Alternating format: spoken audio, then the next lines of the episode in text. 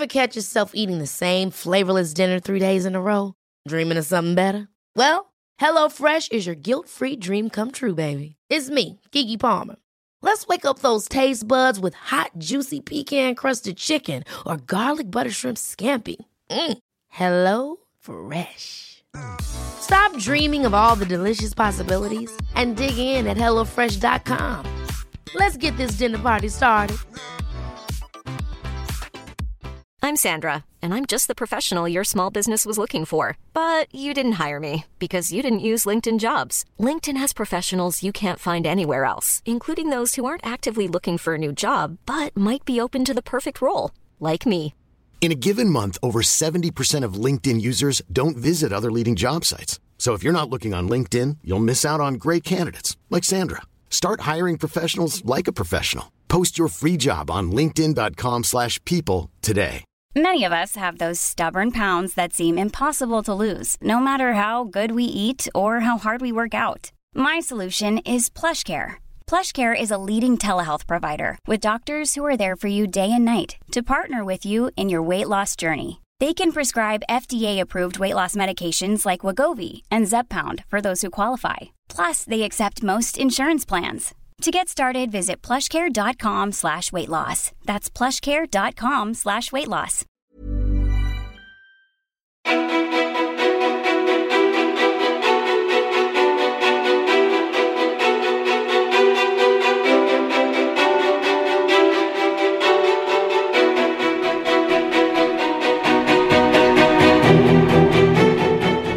Henrik Wahlström briljerar på Instagram där han bland annat ifrågasätter och lyfter budskap som förmedlas i våra kära tjejtidningar genom åren. Om man inte innan har det där ögat för skeva ideal, ojämställdhet och vilka, ja, rent ut sagt vidriga normer och mallar som vi dagligen utsätts för, så lär man sig ett och annat genom Henriks konto. Henrik är en kreativ mångsysslare som förutom att lägga ner ett hästjobb på sitt Instagramkonto också har jobbat som ljudtekniker, jobbar med manus, skådespeleri och regi. Han har bland annat syns i sketcher hos Pantamera Humor och föreläste på medieutbildningar. Hur har han påverkats av att granska tjejtidningar? Vad berör honom mest? Vem är egentligen Henrik Wahlström? Varmt välkommen till podcasten Ofiltrerat med mig, Sofia Peterfia Ståhl. Hello Henrik! Hej! Vad fint! Ja men vad härligt, stämde det? Eh, det tycker jag. Det är sällan man hör en presentation av sig själv. Ja, eller visst är det Ja, det är väldigt sällan. Man, jag, får ju ofta, jag blir ombedd att presentera mig själv. Ofta. Därför att med mitt jobb så är det sådär att jag hela tiden är i nya sammanhang. Och nya team och nya möten med nya människor. Så, så det blir hela tiden så här, berätta kort om dig själv. Mm. Det är sällan som man hör någon annan som har gjort lite research. Men det var ingenting som var fel. Det är ju bra. Det är Mm. ju framförallt det man inte vill liksom att det ska vara. Men kan du hisspitcha det då för oss? Eh, om, så här, för nu är man nyfiken på hur brukar du presentera dig själv? Ja, det beror ju på ifall, i vilket professionellt sammanhang det är. Beroende på vilket jobb det här är. Eh, Så, så eftersom jag är en sån mångsysslare att jag gör jobb som, som regissör, och som producent, och som manusskribent och som liksom idéspruta och skådespelare. Och sen så innan det så har det varit mycket ljudtekniker, poddproducent, ljudklippare. Och så vidare. Och då, då beror det ju helt på. Då drar jag ju inte någon slags resumé från ett annan slags jobb Just för det här. För att det inte är aktuellt. Men eh, alltså att berätta om mig, mig, om berätta om Henrik så är det väl ehm, att jag är eh, 36 år och bor i, i Stockholm eller i Skarpnäck. Och ehm, är kreatör till yrket, vilket betyder att jag hittar på idéer och förverkligar dem i film eller bildform oftast. I, inom tv, reklam, branded content och sådana grejer. Och om du ska utveckla det lite mer, du säger ja, men du får en minut till och berätta om dig själv. Eh, om man ska bara helt personligt, liksom, utan någon slags professionell grej, det blir ju roligare så. Ehm, så är jag född och uppväxt, uppvuxen i Lund. Det är där min konstiga dialekt grundade sig, kan man väl säga. Det är där det liksom melodiösa kom. Ja. Eh, och det var ännu mer när jag var liten. Då var det sån riktig eh, Måns Zelmerlöw eller någon annan. sån- Nej, P1-skånskan kallas den. Ja, ja, ja. Akademiska skånskan. Det är lundensiskan. Den är re- riktigt trevlig. Och sen flyttade jag till Göteborg. Och bodde Aha, där i en fem år. Och då började det bli konstigt. Och, ehm, jag började ha lite andra tonfall. Och sådär. och sen så hamnade jag i Stockholm. Och där blir dialekten ännu mer konstig. Eh, och därför får jag frågan flera gånger i veckan nu. Vad fan är det du säger? Varför, vad är det där för dialekt? Vad är, är, du för, är det Halland? Är det, folk har gissat på Gotland. Folk har frågat om jag är född i Sverige ens en gång. Jaha. Ja, men vet du, det är någonting som är fel. ja, ja, ja, såklart. Eh, men, eh, så därav dialekten. Du kan ju bara säga att du är ett unikum. Alltså, det är lättare. Det kanske, det, fan, det kanske är en radioröst. Ja. För att folk känner igen den. Exakt. Även om det kanske inte är på, så, för att den är så vacker, utan för att den känns igen. Men anledningen, och om jag fortsätter där, och anledningen till att jag får frågor varje vecka om min dialekt och varför jag sitter här är för att jag har ett Instagramkonto som har vuxit så himla fort. Ehm, och det är ett konto där jag började dela med mig av trams och humorgrejer. Ja. Ehm, och sen vågade vara allvarlig mer och mer. För att det är en mycket större liksom, leap of faith för mig som har en ganska eh, bubblig personlighet. Ja. Och är väldigt framåt och kan, har inga problem att göra bort mig och pladdra på. Men att plötsligt våga säga att det här tycker jag är jätteviktigt. Det här ska vi inte skratta bort. Det här blir jag ledsen av. Eller det här skrämmer mig. Det är ju väldigt mycket, det kräver mycket mer mod från min sida. ehm, än att göra bort mig. Eller sådär. Så det har blivit att det blivit mer och mer allvarligt. Och genom allvaret och jag vågat göra det. Och vågat tro på att det är intressant för någon. eh, Så har det samlat väldigt mycket folk.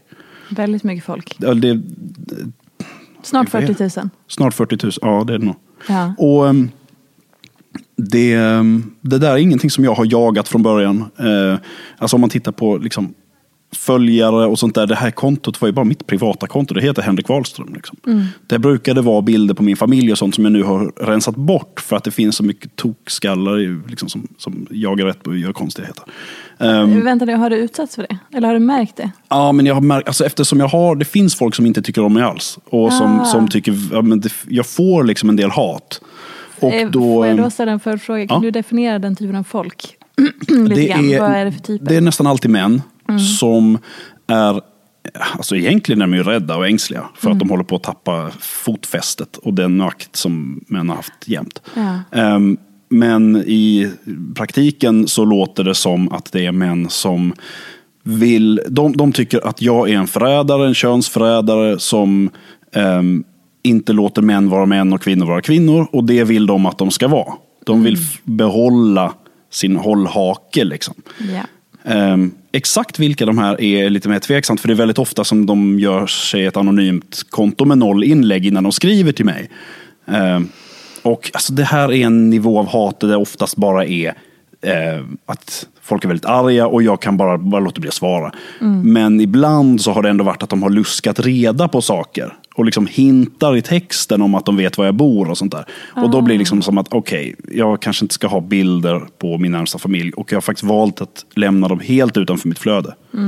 Ehm, så att det kontot handlar väldigt sällan om mig. Jag skriver inte om mig och mina... Liksom, det händer att jag har någon liten så frågestund när jag är på gymmet och inte har någonting att göra. Då, då kan det hända att jag liksom svarar på frågor som folk har om mig. Men mina inlägg handlar aldrig om vad jag åt till frukost eller vad, vad jag tycker om... Eh, alltså det, det handlar om andra saker. Ehm, men där, då får det handla om mig och inte om min familj menar jag. Just det. När vi stod ute vid kaffebryggan så sa du att eh, du har liksom slutat spela en roll. Mm. Eh, kan du berätta lite mer om det? Ja, men jag tänker väl att ehm, när jag liksom ändå är 36 nu eh, så, så tänker jag att jag behöver inte vara häftig för någon. Och jag behöver inte... Jag har slutat spela teater så länge det inte är så att jag faktiskt ska spela teater. Alltså, Det händer ju att jag liksom erbjuds en, en roll och ska spela någonting. Och det är ju en annan sak. Men att i vardagen filtrera mig själv, apropå den här podden också. Att, att recensera mig själv i förhand och tänka ut vad ska jag säga nu för att låta lagom cool och edgy och eh, precis lagom PK och sånt där. Har du gjort det innan? Nej, men jag har ju funderat mer på, ja, jag har funderat mer på det när jag var ung. Gud, Ja. alltså som tonåring och sånt där. Då var det inte just eh, PK-termen. Men mycket mer, hur ska jag eh, allt det jag säger och det jag gör liksom formar bilden av vem jag är i andras ögon. Och så som, ja, men så som tonåringar väldigt mycket gör.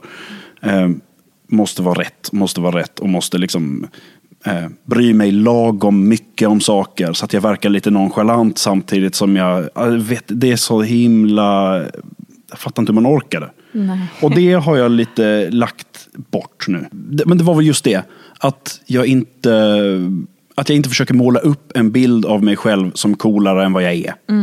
Eller försöker, försöker ha en annan åsikt än den jag har. Just det. Och det, det, det är någonting också som i de här, det behöver inte vara hatiska, men väldigt sura killar som hör av sig, nästan alltid, alltid killar som hör av sig. Ehm, de hackar på just det. De säger liksom att vi har knäckt koden, eller jag vet ehm, att, att du, inte, du tycker inte det här egentligen. Du skriver det här på Instagram för att få tjejer och för att, få, eh, att bli älskad och få eh, likes och um, massa följare. Vilket ju, det går inte ihop för att jag gör ju ingenting annat med det här. Det är inte så att detta gynnar någonting jag säljer. Eller jag har inte tjänat en spänn på det här. Utan jag, jag pratar bara om saker jag tycker om och, och bryr mig om. Men de är på mig liksom då med att ah, liksom, det här säger du nu. För att det Just låter det är bra. typ ett raggningsknep. ja, vilket Lite. är Alltså ju raggningsknep jättekonstigt. både kanske i kärlek och i sälj och i liksom Ja, jag fattar. Hur kan, hur kan mer eh, det här liksom, hatet se ut? I, alltså, vad, vad är det exakt? Hur formulerar de sig? Alltså de, eh, de allra tokigaste, det, det har ju varit liksom nynazister och sånt där som har liksom sagt att jag har förrått den nordgermanska rasen. För att jag inte låter kvinnor eh, Alltså så att, att ah, han var helt tokig i huvudet. Men, men det var i alla fall någon som tyckte att äh, men kvinnor behöver ha en roll där de liksom kan föda nya svenska barn. För att om, om de börjar bli för aktiva i politik och sånt där, då kommer det bara födas massa muslimer i Sverige. Alltså du vet, det var, det var Åh, en, en tok. Sådär. Ja. Men sånt där når ju mig också. Ehm, men annars så brukar det vara mer att någon skriver ehm, att ja, det finns jätte... Vad, vad, vad du är patetisk som letar upp gamla saker i gamla tidningar. Eh, alltså gamla nyheter och pekar på dem och eh, eh, gnäller. Som att det inte är relevant nu för att vi är så himla jämställda. Feminismen har gått för långt. Det är jättemycket feministern har gått, feminismen har gått för långt, den, den Ja. dyker upp hela tiden. Men det är mycket också det här med att, att gud varför håller du på? Alltså, Och det är ofta så här, det är folk som backar Paolo och sådär. Liksom. Ja, ja, ja. Som, som så här eh, vill att, att man ska hålla käften. Mm. Ehm, och har då som motivering ofta så här att det finns mycket viktigare saker. Och jag försöker att alltid svara, om det inte är någon som bara skriver massa könsord, då raderar jag det. Mm. Men om det är någon som faktiskt har en åsikt som skiljer sig från min, så försöker jag alltid svara på ett liksom, trevligt sätt. Det är otroligt avväpnande. Mm. Ehm, Alltså det var någon som skrev igår, eh, jag hade lagt upp en bild, ett klipp ur Frida där Darin blir intervjuad. Eh, och de använder ordet tjej i varje fråga. Hur ska din perfekt tjej vara för dig? Hur är din, din drömtjej? Vad, vad tycker tjejerna om det här? Är dina kompisar avis för du får så mycket tjejer? Vad skulle du göra med, på en dejt med en tjej? Och, så här, och hade rubriken Darin vill ha någon slags tjej. Och han vill ju inte ha det Nej. visade ju sig sen. Och där blev det bara väldigt tydligt att de kunde liksom ha breddat för andra svar. Väldigt lätt. Där var det då någon som sa att eh, ja, det är väldigt lätt att hitta eh, grejer och gnälla på om man letar i arkiven medvetet efter sånt. Ehm, och tyckte då att jag gjorde det. Men då svarade jag istället att men gud vad kul, gör du också det? Så här, vad har du hittat för någonting? Vilket ju har, ja, det, då, det ju ut då. För Ja. att de vill ju att jag ska svara något argt. Liksom. Ja, exakt. Det är en, det är en Instagram-sida där det är en hel del som är trams. Jag gör... ehm, Ikea-paraden. Ja men precis sånt där. Alltså min, eh, jag tenderar att gå all in på saker och sen så ja, snöa in på små grejer. Och då var det till exempel att byta namn på Ikeas produkter till andra slagkraftiga små eh, ord som, som får, får produkten att kännas mycket mindre intressant. Eh, alltså så- ja, så här, trappstegen fraktur och så här, eh, eller skalkniven artär och sånt där. Eh, och, och, eller rivjärnet knoge. Och så. Som gör att man direkt känner att det här vill jag inte ha. Så- Sådana där grejer. Och jag har byggt saker i lego till exempel. Bygger liksom typ sociala situationer i lego och sånt där. Ehm, men det som fortfarande där är inte det som ger mig de här hatgrejerna. Utan det är att jag har en hashtag som, som heter Tjejtidningsparaden. Exakt.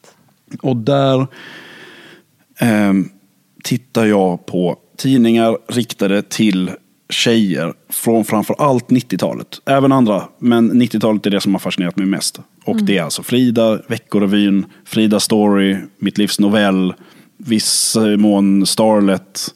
Eh, och de här tidningarna, vad de, vad de gjorde med de som läste det. Därför att jag får en direkt respons från läsarna. Ehm, från mina läsare vill säga. Alltså de som ser mina inlägg och ser vad jag skriver om detta. Eh, så svarar ju de och jag kan läsa direkt hur de här minns precis att de har läst exakt de här orden. Exakt. Och hur det påverkade och hur den lördagen kändes och hur de liksom gick och slängde sitt lördagsgodis när de hade läst det här. Och hur det liksom i väldigt också, man får se hur unga år det här är. Det är mycket tolvåringar som läste om hur tjock Britney har blivit. Liksom. Ehm, och, och det här är, det är senare tidningar givetvis. Men att, att jag får den här facit lite på hur, vad hände med det här. Vad var, det, vad, var det, vad det var som skrevs, det hittade jag själv. Men hur det faktiskt togs emot av användarna, det har inte gått att få veta riktigt innan. Jag menar, det har forska, forskats om detta förut, men det är först nu som eh, de här läsarna är i en ålder där de artikulerat kan berätta hur de tog emot detta och se hur det påverkar deras relationer idag. Exakt. Vad har du blivit mest berörd av hittills? I liksom, eh, eh, vi kan börja så här. Vad har du blivit mest berörd av i det du har läst i någon tidning? Alltså någon artikel eller hur de har formulerat vissa saker? Det som har berört mig mest är väl liksom att se hur det genomgående temat under alla år med de här tidningarna är att du först får veta hur du är. Vem är du utifrån alla möjliga parametrar? Vilken frukt tycker du är godast? Så kommer du få veta vilka liksom, egenskaper du har och hur ditt liv kommer bli. Alltså det, de vet exakt. Och allting om hur ser din kropp ut? Hur, vilken form har din rumpa? Hur bred är den jämfört med det här och det här och det här? Och vilken sorts bröst har du? Och olika sorters öknamn på olika sorters bröst. Och, sådär. Ehm, och sen när du vet hur du är, då visar de upp en målbild. Så här kan du vara. Det här är liksom ditt bättre du. Det är dit du liksom ska ha en ständig strävan. Det är det du liksom ska kämpa mot. Och sen ge dem medlen att göra detta. Liksom. Här visar vi den liksom nollkaloripajen du kan göra själv. Här visar vi hur du kan dricka dig mätt på ljummet vatten innan du går ner och äter med din familj. Ehm, ät is om du är hungrig, för det känns som att äta mat men det försvinner liksom bara. Tipsen, liksom, Ja. hur du ska göra detta. Och sen kommer du in på liksom kändissidorna där tidningarna visar hur man kan prata om folk som man inte tycker faller inom mallen. Det är där du kan kalla liksom Anna Nicole Smith för liksom ett bulimia-vrak. Och att hon är en, en alltså hon, där har vi liksom verkligen ett exempel. För att hon är liksom, först så är hon en hora. Liksom. Hon, är liksom, hon, hon bjuder ut sig själv, hon visar sig naken på bild, det är inte okej. Sen så blir hon kraftig och då plötsligt så är hon en Belgian blue-kossa. Hon är en, eh, det här bulimia-vraket. De Eh, skriver hon- de här orden. Ja, ja. och de skriver ut de här liksom. Ehm, och, och lägger in sådana grejer som att hon, hon knarkar och skiter i sina barn och sånt där. Som de, inte, de vet ju inte det här, men de, det är liksom bara hån. Ja. Ehm, medan hon är tjock. Ja. Liksom. För att hon gick upp jättemycket i vikt. Medan hon är, är liksom överviktig så är det det här hånet mot hur hon ser ut. Och sen så plockar vi upp det här igen. Jag läste i en tidning på väg hit faktiskt. Som jag har i min väska här. Vänta lite. Då kan vi titta i Frida nummer 5 från 1995. Då dyker hon upp igen. Många, många år senare alltså.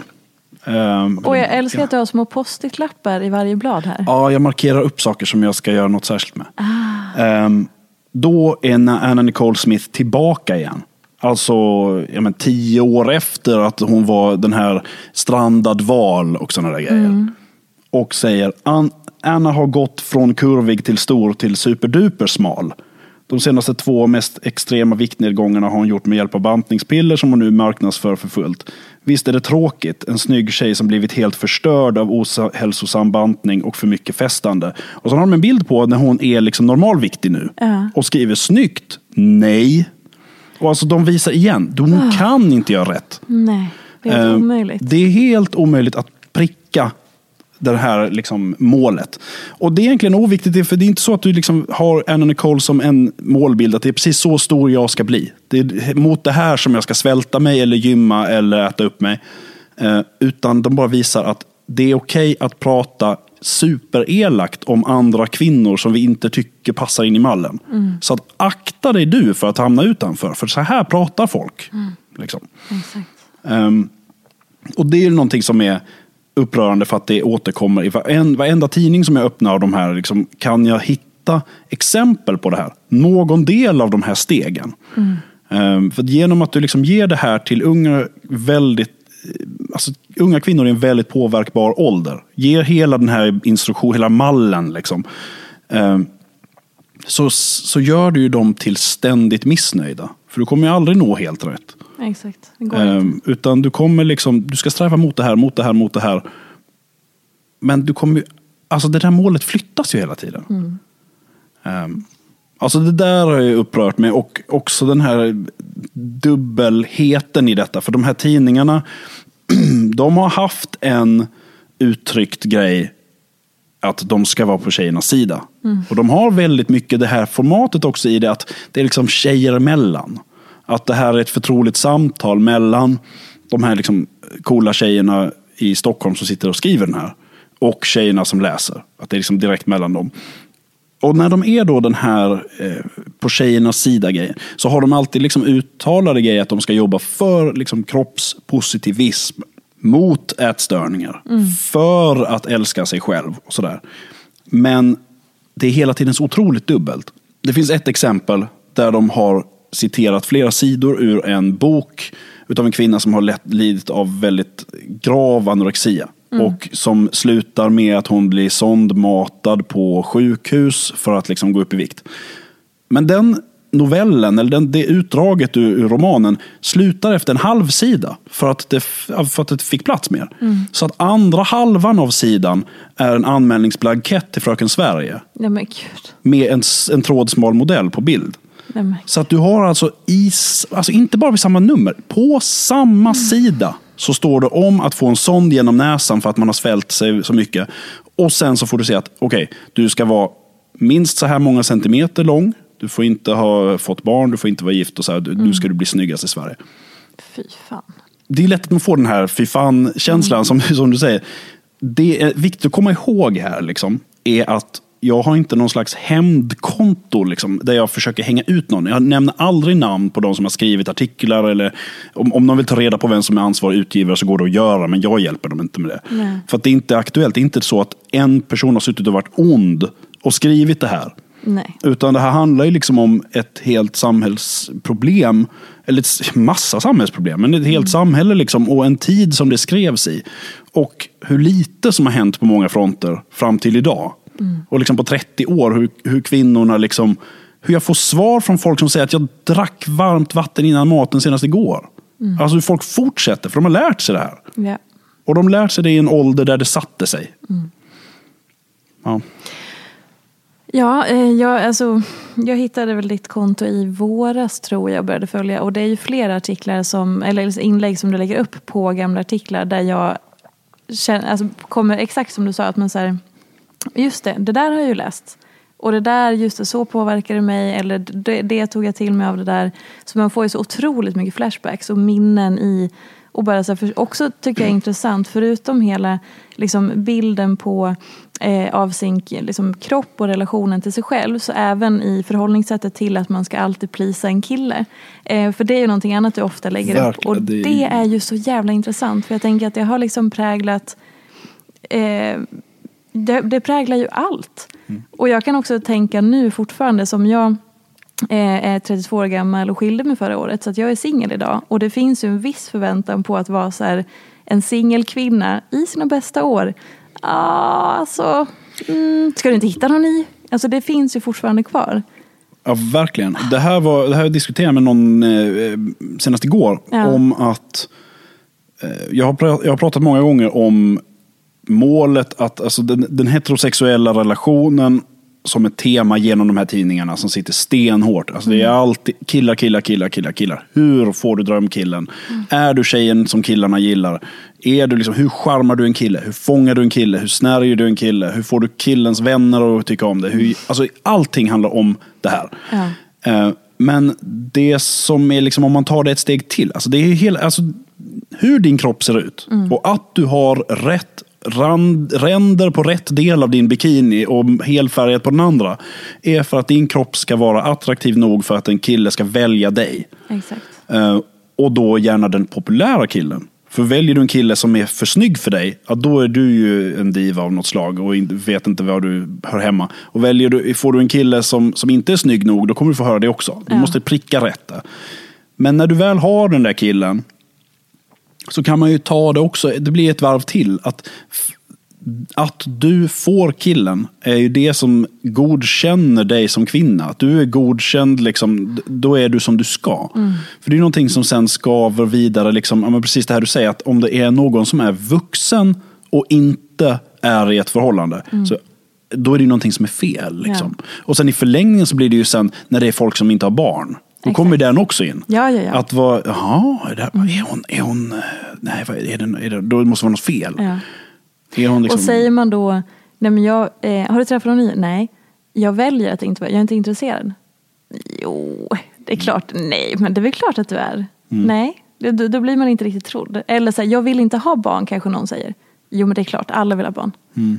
Det är så starka krafter i allt det här. ja. Ja, och vill du inte ha barn, då är det något fel. Ja. Då, är det något, alltså, då är det något trauma som man inte ens kan prata om. eller något sånt där. Utan det kan inte vara en åsikt. Eller Nej. liksom en sådär, utan, Men en annan följdfråga på det vi pratade om innan, vad som har berört dig mest. Eh, så vill jag också ta den andra. att eh, Vad har berört dig mest av det folk har skrivit och berättat utifrån deras minnen och hur de upplever? Förutom som du sa att eh, det var någon igår som skrev till exempel att den drack vatten, varmt vatten innan maten och så. Jo, men det finns exempel på när de här välmenande projekten där man ska få veta att ens kropp duger som den är. Det fanns till exempel en, en eh, bilaga, ett litet häfte som hette Älska din kropp som följde med, om det var Frida eller veckor, jag kommer inte ihåg just på rak arm. Ehm, som skulle just göra detta, att du får se riktiga kroppar, normala kroppar, så du märker att din kropp är precis som, som alla andras ungefär. Ehm, men vad den gjorde var att visa upp kroppar som läsaren som kontaktade mig sa att hon satt där och såg att okej, sådana ben har jag också. Och det borde jag uppenbarligen inte tycka om. För den här kvinnan som sitter där säger att "Ja, jag hatar mina ben. Och bara, men vad, har jag, vad är det för fel på mig? Plötsligt fick hon veta vad celluliter var och att det hette liksom apelsinrumpa. Hon hade ingen aning om att det var ett problem innan. Hon har gropar i sina lår, men det var ju ingenting. Men nu får hon veta att en tjej på bild har likadana och hatar dem. Så hon fick ett nytt komplex där. Nästa sida, nytt komplex och nytt komplex. Som hon inte visste att hon borde ha. Så att gått från, hon började med att veta att hon var för rund, för det hade hon fått höra. Till att få veta att hon, förutom att vara rund, hade apelsinrumpa och det här och det här och hängbröst och sånt där. Eh, och att det då liksom, istället för att visa att ah, ingen är perfekt, så betyder det bara att du är ännu mindre perfekt än vad du trodde. På vilket sätt har, så här, finns, det finns ett före och ett efter när du började med det här. Och så här, hur har det påverkat dig i liksom din, eh, din person eller din vardag eller dina, hur du tänker och tycker om saker och ting? Liksom, hur, har det, ja, hur har det påverkat dig?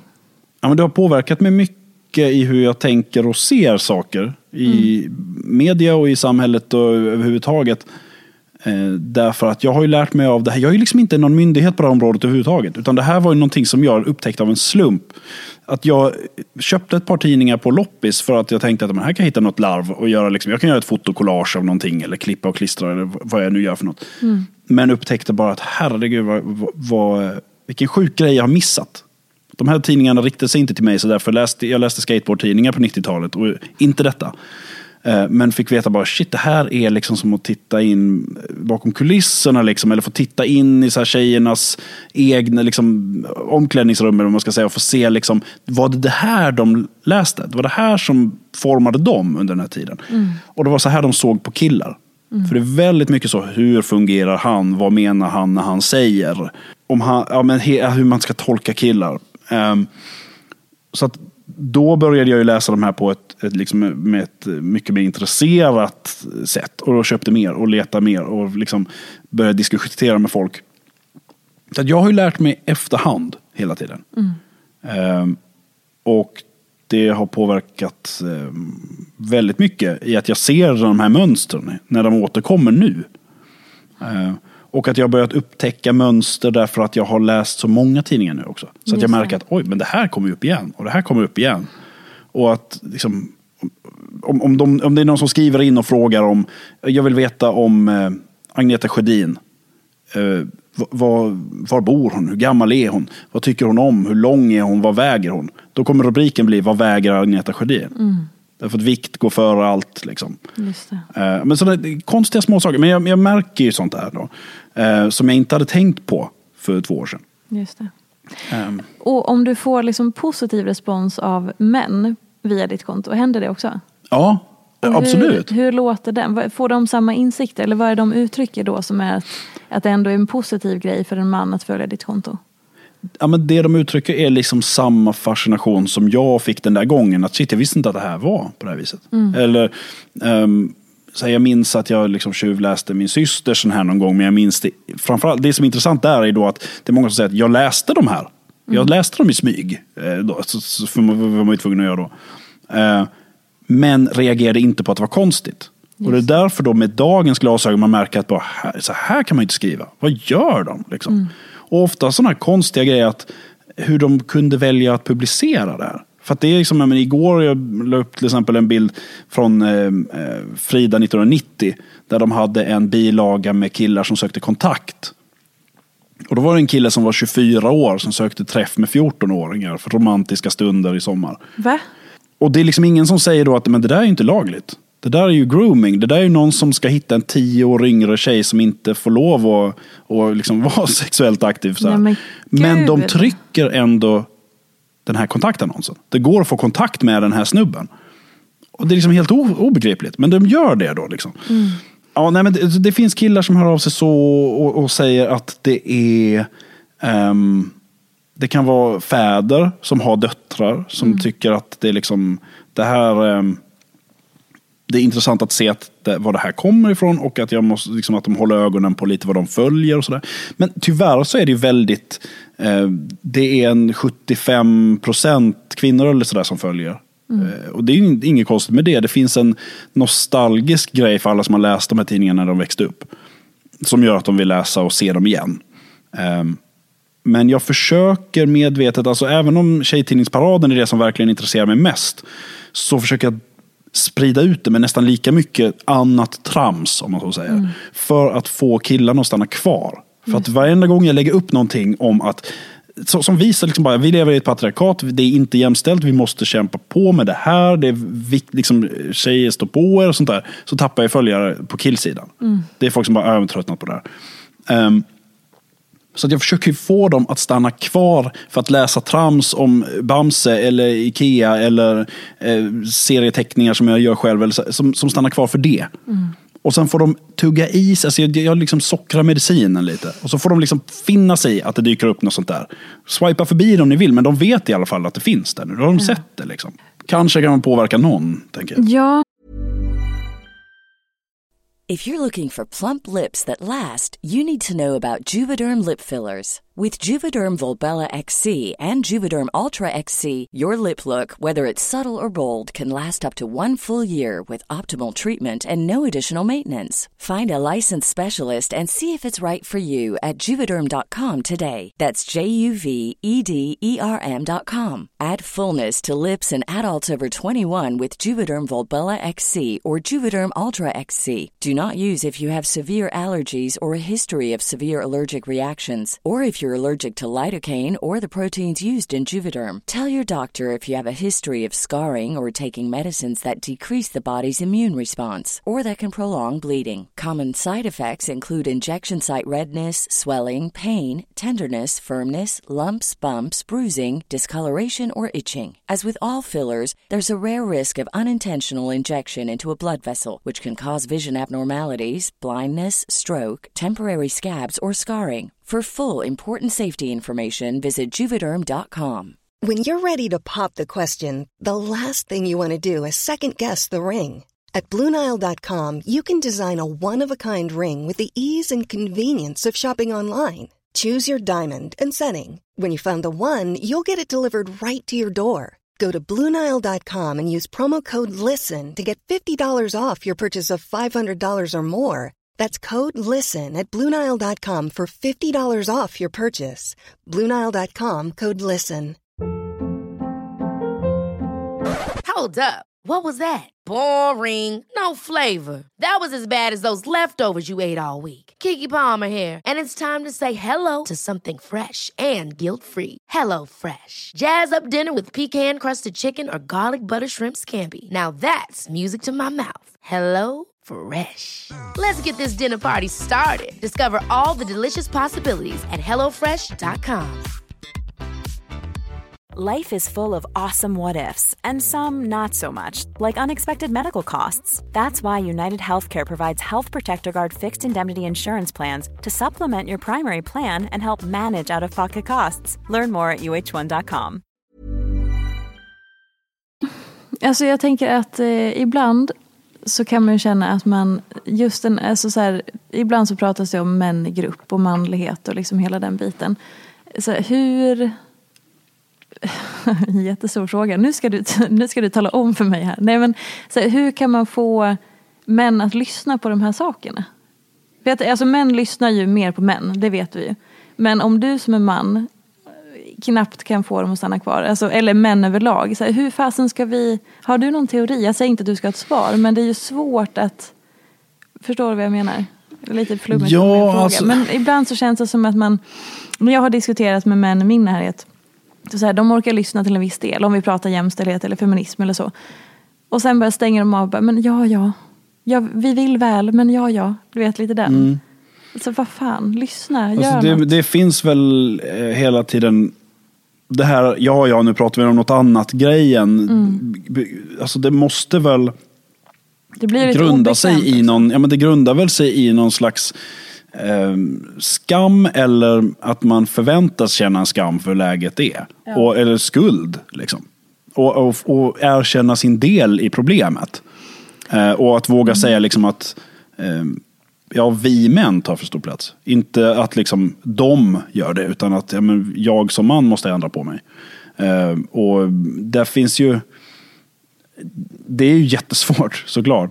Alltså, men det måste, någonstans måste ju män fatta själva att alla har att vinna på jämlikhet. Mm.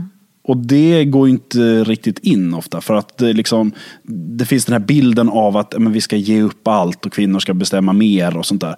Men, och, och den här ständiga det man landar hela tiden i är att ja, men, så här, ni blir aldrig nöjda. Det här får jag höra från killar också. Alltså, när jag försöker prata så här, men, så här, Sverige är världens mest jämställda land. Varför blir liksom, ni liksom nöjer någon gång?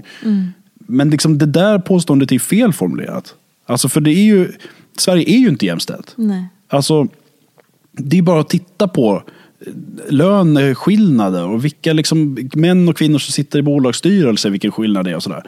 Så att det är ju inte jämställt. Det är liksom, man borde ju bara, i så fall säga att det är, Sverige är världens minst ojämställda land. Exakt. Och i så fall så finns det ju ingen anledning att sluta kämpa. För det är ingen som kommer sluta kämpa för att man märker att ja, men, vårt land har minst antal dödsfall på grund av eh, cancer i Norden. Så vi slutar forska på cancer. För nu, några kan ju stryka med. Det är Ja, ingen ja. som kommer göra det. Eller säga att nu har vi minskat våldsbrotten så mycket så att det är minst antal som blir skjutna just här. Men de skjuts ju fortfarande. Ja, men sluta inte kämpa mot det då. Exakt. Ehm, ja. Eh, En, för, en fördom som jag har, eh, eller jag vet inte om jag ska kalla det fördom, men eh, ett påstående som jag slänger ur mig är att jag upp, nej så här, det är en upplevelse till och med. Jag upplever att, att män, om man får generalisera, eh, har lite svårare att Alltså att man, man vill alltid ha referensen sig själv. Man har svårare att kliva ur sig själv och se den större bilden. Eh, när jag har haft någon diskussion med någon, eh, någon man så var det som att Eh, han bara, ja men på mitt jobb så har vi jättemånga kvinnliga chefer. Jag bara, Ja, det är fantastiskt. Men det här tycker jag är problemet. Eller du kan se på det så här, jo men på mitt jobb har vi jättemånga kvinnliga chefer. Ja, ja, men nu pratar vi om liksom Det handlar inte om dig som individ eller ditt jobb eller din arbetsplats. Men han kunde liksom inte sortera bort Ja, men, det, det där. men bygger inte det på att han i det läget känner att han är på andra sida, alltså annat, på andra laget liksom. Att det är du mot gjort sitt. Ja, men att Ah. han försöker liksom att visa att ehm, här, är vi, här har vi gjort det bra. Ja, men precis. Ja. Men titta på det här då. Det här har vi Mm. ändå gjort. Eller, eller liksom att jag har gjort min del.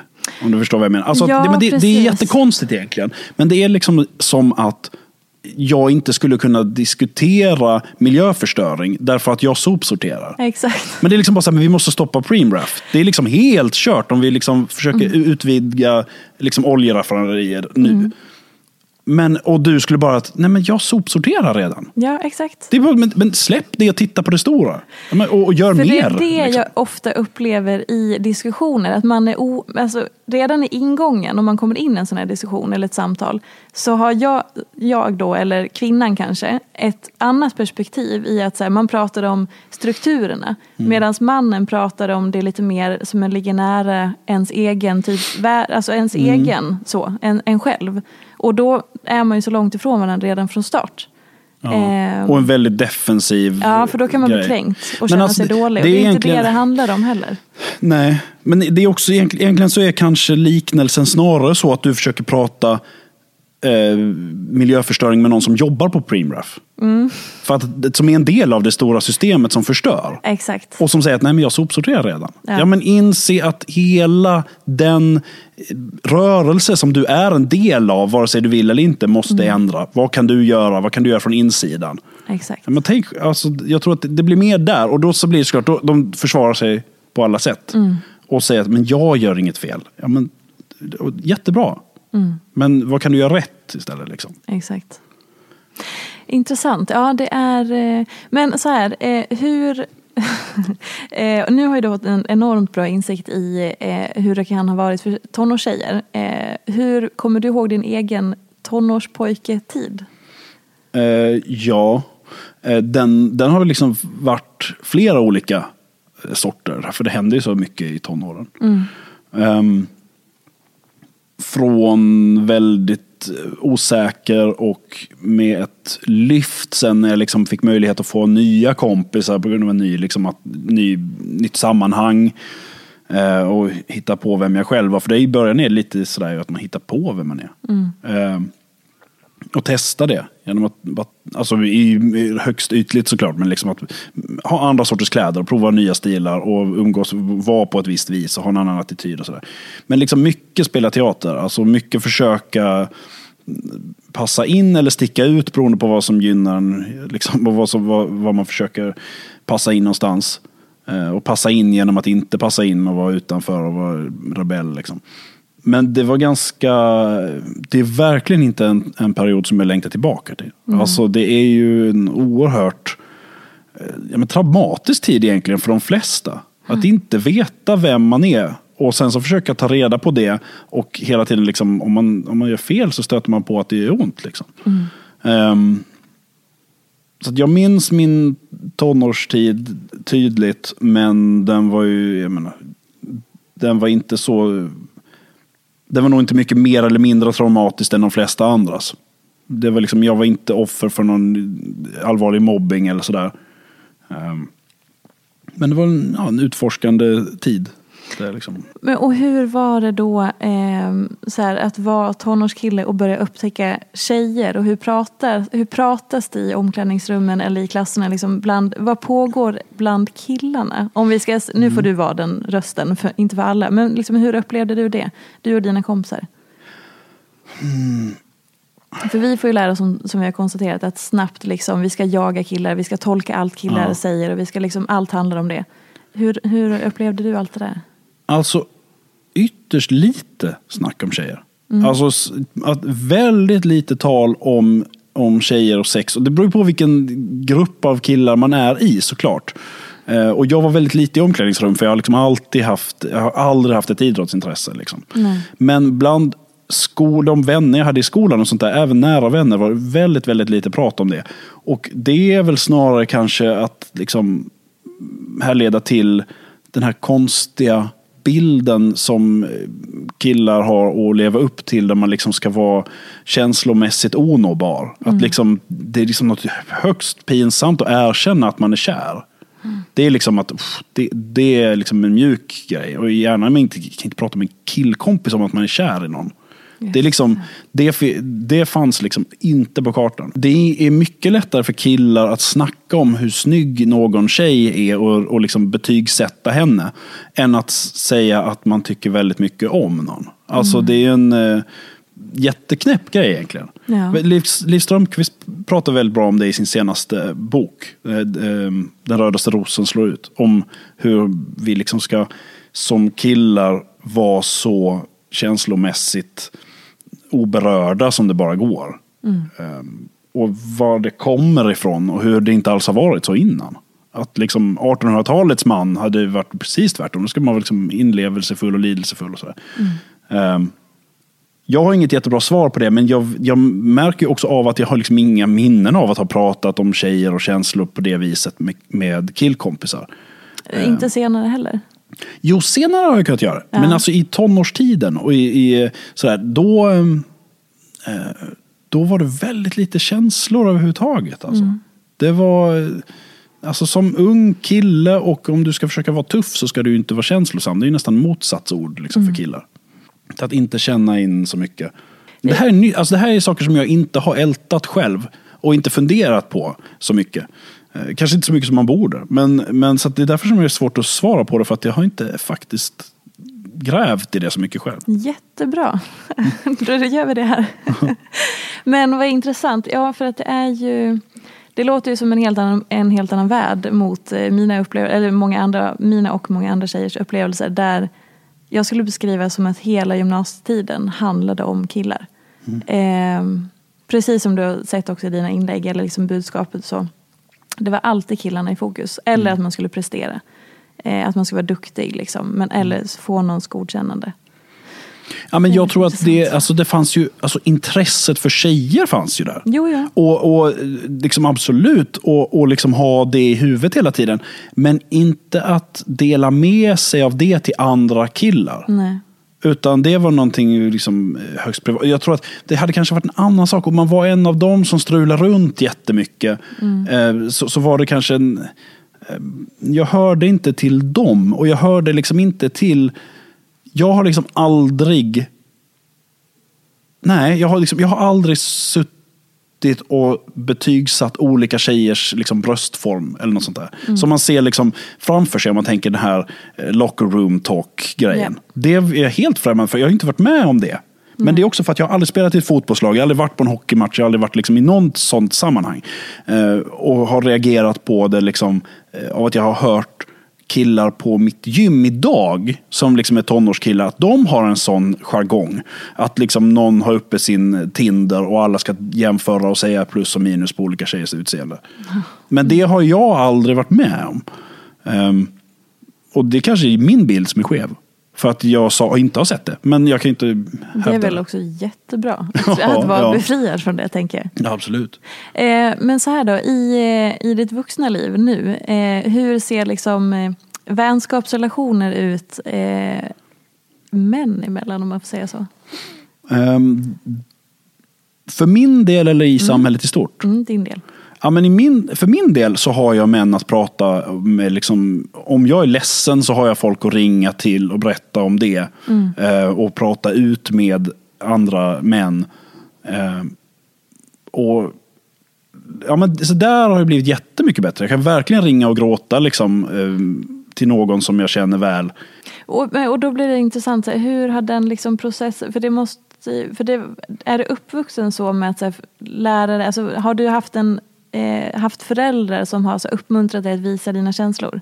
Även om ni inte gjorde det i skolan, men har du haft det liksom hemifrån eller hur har det liksom släppts fram då? Jag tänker att det är en process. Ja. Ja, Men absolut, jag har inte lärt mig att jag ska hålla inne känslor. Nej, Men jag har haft en, liksom en lite... Alltså jag tror att väldigt många män växer upp med fäder som har gått i samma skola, som ska vara den här känslomässigt onåbara och som liksom slutar krama sina barn när de är, sju. Liksom. Och att, sådär, att sen blir det mer tveksamt, hur ska man göra? Liksom. Och ehm, Det här med att prata djupa och allvarliga känslor med, med killar som inte längre är små pojkar längre. Eh, att där blir det, det måste vi liksom lära oss att göra. Um, och där finns det ju organisationer nu som till exempel organisationen Män som liksom jobbar för att liksom forma framtidens män som ska våga prata om kärlek och sex och porr och jämställdhet och andra saker som är obekväma och jobbiga och svåra att prata om. Och som vi, liksom, som vi alltså har lärt oss ska vara svåra att prata om. Mm. För att de blir ju bara svåra att prata om för att vi inte tagit upp det än. Exakt. Men så fort vi har gjort det kan man ju prata om det. Så det är lite sådär. Men har du då upplevt, alltså så här, hur har det kommit till att du kan ringa en manlig vän och gråta ut? Om du ändå inte har haft det där liksom att eh, stödet hela vägen kan man säga, eller vad man nu ska formulera det som. Ja, men jag, jag tror att det bara handlar om att jag har lärt känna men det är bra män som jag har lärt känna väl och som har eh, som jag har kunnat vara öppen med och som har visat öppenhet tillbaka och som eh, Eh, ja, men alltså så fort någon bara vågar säga att ja, men jag är rädd mm. idag för det här som ska hända. Eller jag är, jag är ledsen för en sak som jag fick veta, fick höra. Så fort man bara gör det så öppnar man ju upp och visar att det är okej okay att säga det. Mm. Och sen så är det ju så. För det är ju, det är ju bara den här fasaden som vi går runt med. Att jag är aldrig rädd för jag är snubbe. Alltså så fort du bara erkänner det själv så är det ju jätteskönt för den andra som bara, åh gud, jag, jag är också livrädd för den här presentationen jag ska göra imorgon. Mm. Hur ska man, alltså, det behöver ju bara nämnas en gång för att du ska visa liksom att ja, men du bjuder in. Liksom, och våga vara då den mannen som vågar säga liksom, att nej, jag, idag mår jag inget bra. Mm. Eh, för att då, ehm, då är ju chansen väldigt stor att andra män i rummet eller den du sitter och pratar med vågar öppna sig själv. Och sen så har ni ju liksom kommit närmare. Om man lyssnar på det här och är man och känner att så här, skulle aldrig någonsin våga säga en sån sak, att jag är rädd för en presentation eller att jag inte mår bra. Men jag vill ändå börja öppna upp lite eller jag, jag skulle vilja ha en sån vän så att jag kan ringa och gråta eller någonting. Så vad, har du något tips du skulle kunna ge att man kan börja med? Eller så där? Tipset för att komma närmare en vän, ja, men det är, du måste ju vara först. Du måste ju våga bjuda upp. Mm. Och liksom, Det är ju så otroligt värdefullt. Jag har varit med om det här, att själv ha vågat säga liksom att det här är eh, jobbigt för mig. Det här har varit en jobbig tid. Det här är... Alltså jag var med på ett, jag ska inte säga vilket sammanhang, men ett möte vid ett tillfälle. Där en person vågade säga att eh, jag kommer behöva lämna den här gruppen för att jag har så mycket ångest när jag ska komma hit. Och det bara öppnade upp en efter en efter en som bara säger jag är utbränd, jag har inte berättat det än. Men jag är ju, nu, nu är jag ju eh, sjukskriven. Och en annan som säger liksom att ja, jag har sånt problem, vi har haft ett missfall hemma. Jag, jag, kan inte liksom, jag kan inte tänka på något annat, det här går inte in. Och till slut så var liksom, nästan alla i gruppen hade liksom svinjobbigt inuti. Och har hållit den här fasaden uppe och kan plötsligt sitta och torka tårar liksom, med andra män runt ett bord. Och det är liksom någonting som bara en behöver bara säga det här. Mm. Och våga, alltså det är så jävla jag menar, Det vet ju vem som helst som lyssnar på detta. Känner ju själv att de inte alltid mår bra. Ja, men det är klart att alla andra gör det då också. Så mm. våga säga det den gången. Att nej, idag är det liksom när någon kommer, hur fan är läget då? Det är liksom att nej, inte så bra idag faktiskt. Mm. Jag, det har varit en jobbig natt och jag, för jag har tänkt så mycket på det här som har varit jobbigt. Alltså du kommer ju inte få svaret att det, alltså, det är väldigt osäkra män som ger en dunk i ryggen och säger liksom att äh, fan var ingen kärring. Det, är väl, alltså, mm. det, det, kan vara jag som slipper det för att mitt sociala samliv är så långt ifrån det. Men i alla fall där jag befinner mig så händer inte det. Utan det, där bjuder man till då och säger liksom, vill du prata om det här? Eller någon som ta upp det senare. Eller i alla fall hör av sig kanske, inte, om de inte vet vad de ska svara då, så kan det komma senare att det var bra att du sa det där. Mm. Alltså, aldrig, se inga problem med att liksom öppna upp för det där. För att, att det här att, sva, att, att, känslosam, att, att vara känslosam betyder ju svaghet för mycket, många män. Att det är liksom en... Eh, jag har en... Eh, ett citat ur en eh, tjejtidning om det här. Det här, är liksom, det, det här som jag pratar om nu är ju att vi har fått lära oss att vi män ska vara på ett visst vis. Och det är samma bild av män har lärts till er tjejer genom de här tjejtidningarna många gånger. Så här till exempel ett exempel ur bilagan Du, killar och förhållanden som kommer från Veckorevyn 1996. Och då är det, här är fem exempel på hur han säger jag älskar dig utan att uttala orden. Eh, och då är, första är, han ger dig råd fast han inte har koll på läget. Alltså att han killgissar betyder att han älskar dig. Den släpper vi. Nummer två är, han pratar om sina svagheter. För killar är att visa svaghet samma sak som nederlag. Och det är ju någonting som vi liksom bara har lärt oss. Det är ett nederlag att visa att du har känslor. Fast alla går runt med dem. Så det är en sån idiotisk grej. Det är liksom som att... Liksom, ja, men tänk, tänk själv bara. Liksom så att det, det, det är ett nederlag att erkänna att du har tår på fötterna. Bara våga visa dina fötter. kommer alla säga att jag har också tår. Ja. Det är så jävla dumt. Men, eh, och då fortsätter det att endast den han älskar och litar på får höra hur liten han egentligen kan vara. För varför skulle han annars ge dig vapnet som kan kvadda hans självkänsla och stolthet? Ehm, så att du visar att du älskar honom genom att säga det. Men, men fine, ifall det nu är så att eh, det är så eländigt. Att det här är något vapen och, och kvadda självkänsla och stolthet med. I det här fallet så handlar det om när du älskar en tjej. Men det är precis samma sak när det handlar om att närma sig en kompis. Liksom. Att våga visa det där.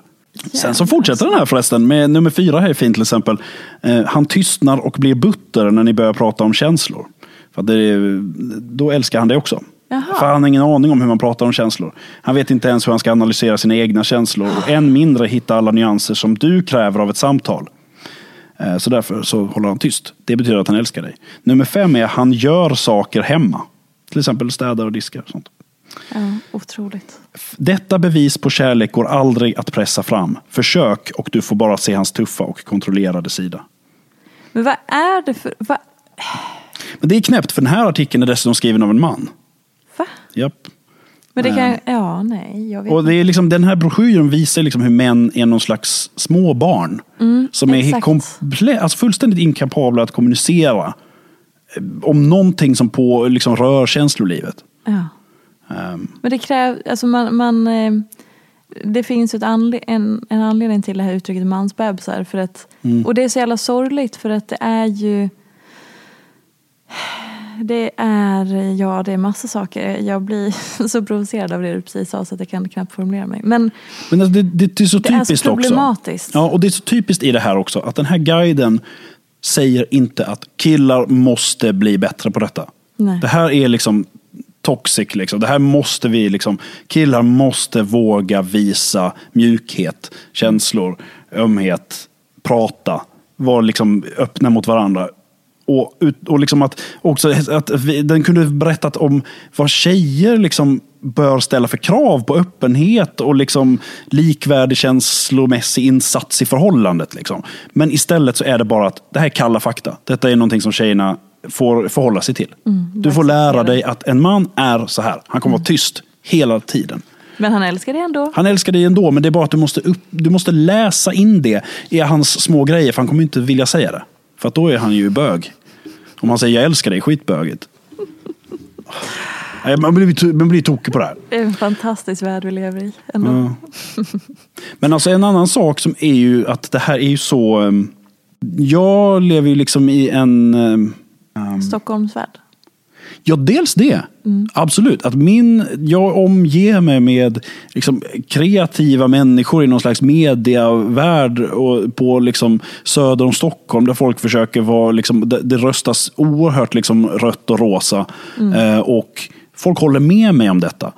Och det är, så, det är jättelätt för mig att göra det här. Alltså det är jättelätt för mig att, att, att lyfta de här åsikterna och vara är, liksom uppriktig med vad jag tycker i de här frågorna. Och när jag tycker att vi måste sluta vara tuffa, vi måste våga gråta och sådär. Därför att jag riskerar ingenting genom att säga det. Alltså det skulle kunna vara en helt annan Om jag bodde liksom på en ort i en miljö där det var en mycket mer mm, en, machokultur var mycket mer rådande och där vi liksom hade, säg att jag jobbar på en arbetsplats där det är liksom, det råder att det är helt otänkbart att vara eh, mer eh, öppen och mjuk. Då hade det plötsligt krävts mycket mer mod av mig att våga säga detta. För jag, liksom, jag riskerar inget liksom socialt, alltså bli utfryst ur ett socialt sammanhang genom att göra det här. Nej. För mina sociala sammanhang accepterar jag detta. De har bara inte pratat om det liksom så mycket. Ehm, men det är därför som jag heller inte håller på liksom och hackar på en, en följare som, som kan tycka liksom att "Ja, men det är inte så jävla lätt. Alltså, nej, det, det tror jag säkert att det inte är. Jag har det jävligt lätt med det här. Och det är klart att jag säger liksom att det är bara att säga det. Ja, det är bara att säga det. Men jag kan ju inte svara för re, liksom, resultatet i din kompisgrupp eller din liksom ehm, hur just ditt pokergäng kommer reagera när du säger att du har gråtit hela natten för någonting. Nej. Alltså, ehm, det, dels det, men sen också så är det ju, det är ju liksom problematiskt att jag får sitta här och prata om detta. För att jag är inte alls säker på att det hade hänt om jag var kvinna. Alltså det hör ju till det konstiga här. Att för att jag är man som bryr mig om detta så får jag mer uppmärksamhet än om jag hade varit kvinna och gjort det här. Absolut. Och jag tror säkert att hade jag skapat ett konto som bara hette Tjejtidningsparaden, nu är det ju en hashtag bara. Ehm, men hade jag skapat ett konto som hette det, inte avslöjat man eller kvinna, inte liksom sagt vem jag är. Den hade nog också kunnat få liksom 30-40 000 följare. Men jag hade inte som, som jag tror inte att det hade hyllats alls lika mycket den personen som lägger upp det här. Att jag får liksom eh, orimligt mycket cred för att lyfta det här därför att andra killar inte gör det. Exakt. Och det visar ju bara på att vi har liksom en situation som är liksom skev. Att det känns det är liksom anmärkningsvärt att jag som kille bryr mig om att killar inte liksom fungerar på ett schysst sätt och att, killar, och att, och att, att tjejer är elaka mot varandra. Alltså, Jaha. Ja men det sticker ju ut. Det är Ja. ju liksom väldigt eh, annorlunda på ett eh, väldigt positivt sätt. Men det är fortfarande, det är ju inte någonting man ser Nej. särskilt ofta. Nej, och det där, jag blir lite delad där. Liksom. Alltså med att... att eh, ehm, ja, men det, det är ju jättekul att få en inbjudan till ett sånt här samtal till exempel. Men det, det är värt att fundera på så här, att, men hade vi märkt det här? Om det var liksom Louise som visade upp bilder ur sina gamla tonårstidningar. Kanske. Men det här blir mer bara, har du sett den där killen som gör det här? Men tänker du då att det är eh, så pass problematiskt att det skulle vilja få det att sluta eller göra det på ett annat sätt eller förändra det på något vis? jag har inte, fund, alltså jag har inte funderat på att, att jag skulle liksom lägga av. Alltså på ett sätt så känner jag att jag kanske kan nå män bättre. Genom att jag är man och gör det här. Att Definitivt, Det, det finns, jag tror att det är mycket fler liksom, ganska snubbiga snubbar som följer mig ändå. Det är liksom jävligt macho-snubbar med mycket tribals liksom, som följer mig ändå. Även om de inte är den stora delen så finns de där. Ehm, som jag tror inte hade följt de här liksom, rena feministiska kvinnliga kontona. Eh, och då tänker jag att där finns det ju en chans då. Det kan ju vara att något går in. Ja, men för, och det är väl det som, för ofta så kan man ju uppleva så när det är eh, olika typer av eh, vågor eller man säger som kommer genom samhället i till, alltså någon hashtag eller någon rörelse och någonting där vi pratar om feminism och jämställdhet. Eh, eller att man bara ska stå upp för alla likas värde eller så. Så är det ju många som uttrycker just att det är kvinnor som driver det. Och så här, var är alla män? Eh, och det är väl lite det då, så här, här har vi ju en man som faktiskt driver någonting. Det kan ju inte vara dåligt då tänker jag. Utan, sen önskar man att fler hakar på. Men jag tror att män lyssnar på män och då behövs det ju män som vågar göra någonting. Så att man får de här andra männen att lyssna och kliva fram. Så att absolut. det tänker jag är jättebra. Ja, jag tänker inte att det är dåligt. Alltså, jag, Sen hade du inte fått samma uppmärksamhet, det kan vi nog enas om att det inte hade fått. nej, jag tänker det. Verkligen. Alltså, det är med, jag, menar, jag, jag är ju glad för att det här går bra och jag tänker fortsätta med detta. Det är liksom ingen mening att jag skulle börja om på något sätt. Eh, För det skulle, det skulle inte kunna. Men jag menar bara att det är värt att in, det, man ska ändå nämna det. Okej, eh, du ska få en avslutande fråga som jag ställer till alla gäster. Vad är inte som det ser ut? En sak som inte är som det ser ut är ju när man tittar på en stjärnhimmel. Alltså jag vet i somras så hamnade jag på ett ställe eh, på västkusten där det blev kolsvart och klart på natten. Så att man kunde stå och bara se mer och mer och mer och mer grejer. Liksom. Mer och mer stjärnor och fler, och det blir tydligare liksom, för att ögonen vänjer sig. Det är ju tokigt alltså. Att stå där och försöka greppa att det är inte vad jag ser. Den stjärnan där borta kan ha slocknat för åratal sedan. Men ljuset har inte hunnit hit än. Men, nej, men det där, vänta nu, okej. Är du med? Ja, ja, Solen men jag där... kan inte ta in det. Nej, men där, där är, det du ser är en jättegammal bild av hur, hur stjärnhimlen ser ut. Därför att i detta nu så skickar den där stjärnan ut ljus som kommer ta jätte, jätte, jättelång tid för oss att komma hit. Så att dina liksom barnbarns barnbarns barnbarn kommer se det ljuset som kommer ut från stjärnan just Men nu. Slu, nu får jag säga, nu... Alltså, men tänk bara att du byter på det. Alltså om du byter plats med den här stjärnan som du knappt kan se. Du Ja. byter, där borta står du. Ja. Och sen riktar du ett, ett teleskop mot jorden. Ja, Då skulle ja. du se dinosaurier gå omkring här. Ja, men det är så sjukt så att man kan liksom inte ens...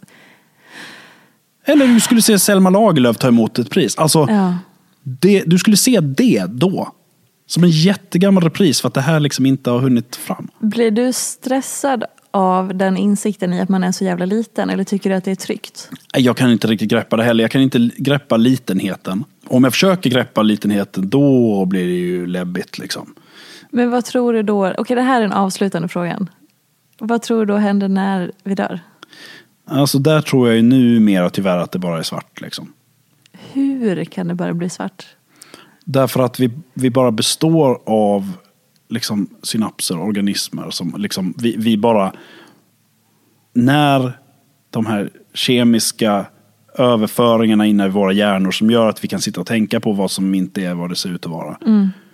När de slutar strömma, liksom, därför att blodet inte tillför någonting och där det liksom bara stannar av. Då blir det blir bara materia. Då, liksom. Ja. Det blir bara någonting som sönderfaller under många år och sen är det borta. En sån lite sådär eh, bild av, inte evighet kanske, men av, av också sådana tidsbegrepp. Det var faktiskt när jag stod där på den där, eh, under den där stjärnhimlen. Och fick syn på att det är någonting här som rör sig över himlen. Den där stjärnan står inte still, den rör sig men det är väldigt sakta. Det är inte ett flygplan för den rör sig liksom, den blinkar inte utan den är helt jämnt men den rör sig sakta så här. Eh, och en, en släkting till mig som var där hade en app som man kunde se stjärnhimlen med.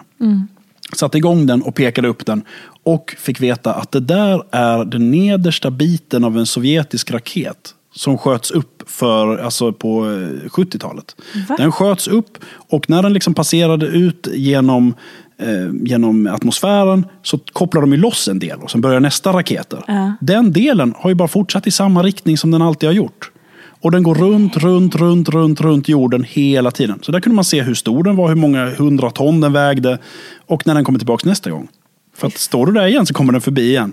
Och medan vi stod och pratade om detta så var men där är en till som rör sig. Så kollar vi där, också sovjetisk fast den här gången är en mindre del av en raket. Alltså rymdskräp som åker runt och det kommer aldrig sluta förrän det krockar med någonting. Men det är så sjukt så att det går liksom inte att för, alltså...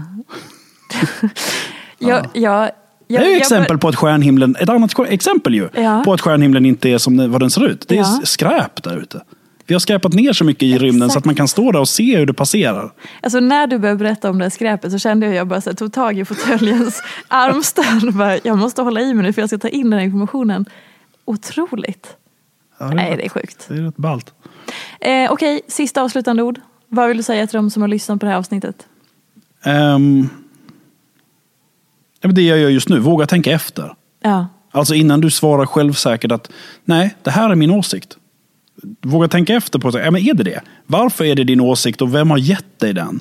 Och är det en jävla blaska från 1992 som någon skrev en artikel på, det tog 20 minuter att skriva det här och det sitter fortfarande i dig 35 år senare. Ja, men stryk då den referensen och börja liksom tänka på själv. Det- spelar ingen roll om du har apelsinrumpa. Det är ingen som kommer döma dig för det mer än liksom du själv. Ehm, och om samhället dömer dig för det, då jobbar vi mot ett annat samhälle. För så kan vi fan inte ha det. svinbra. Tack. Och följ då på Henrik Wahlström, eller Wahlstrom. Ja, precis. Wahlström heter jag väl där. Ja. Hen- Henrik Wahlström som ett, ett ord. Är det något annat som vi ska promota när vi ändå håller på? Ja, men om, om du där ute fattar att det här blir en skitspännande bok. Alltså jag skriver det här ihop med en, en kvinna som heter Anna Prestian som är lite äldre än jag som är filosofidoktor i historia och forskar på maskulinitet och sånt där. Skitspännande grejer. Vi gör en bok om tjejtidningarna. Vilka som skrev det, vilka som läste det, hur det togs emot. Mm. Eh, om du känner till någon på ett förlag som bara borde älska detta så hör av er. Underbart. Och fortsätt lyssna på Ofiltrerat. Henrik, du får komma tillbaka någon annan gång. Ja, ja vi kan nog prata mycket mer. Ja, men det känns så. För vi tar något annat nästa gång. Ja, absolut. Då dyker vi ner i Bamse. Och pratar om, om ja. Brummas handikapp och, och sånt där. Oj, vad spännande. Ja. Det har vi att se fram emot. Tusen tack för att du kom hit. Tack, tack. Hej då. Följ mig gärna i sociala medier. Jag heter Peterfia på Instagram och bloggar på peterfia.se. Vill du komma i kontakt med mig så gör du det på info.peterfia.se. Jag vill rikta ett stort tack till Acast för studie och stöttning och ett stort, stort tack till geniet Elin Sjödén som klipper den här podcasten.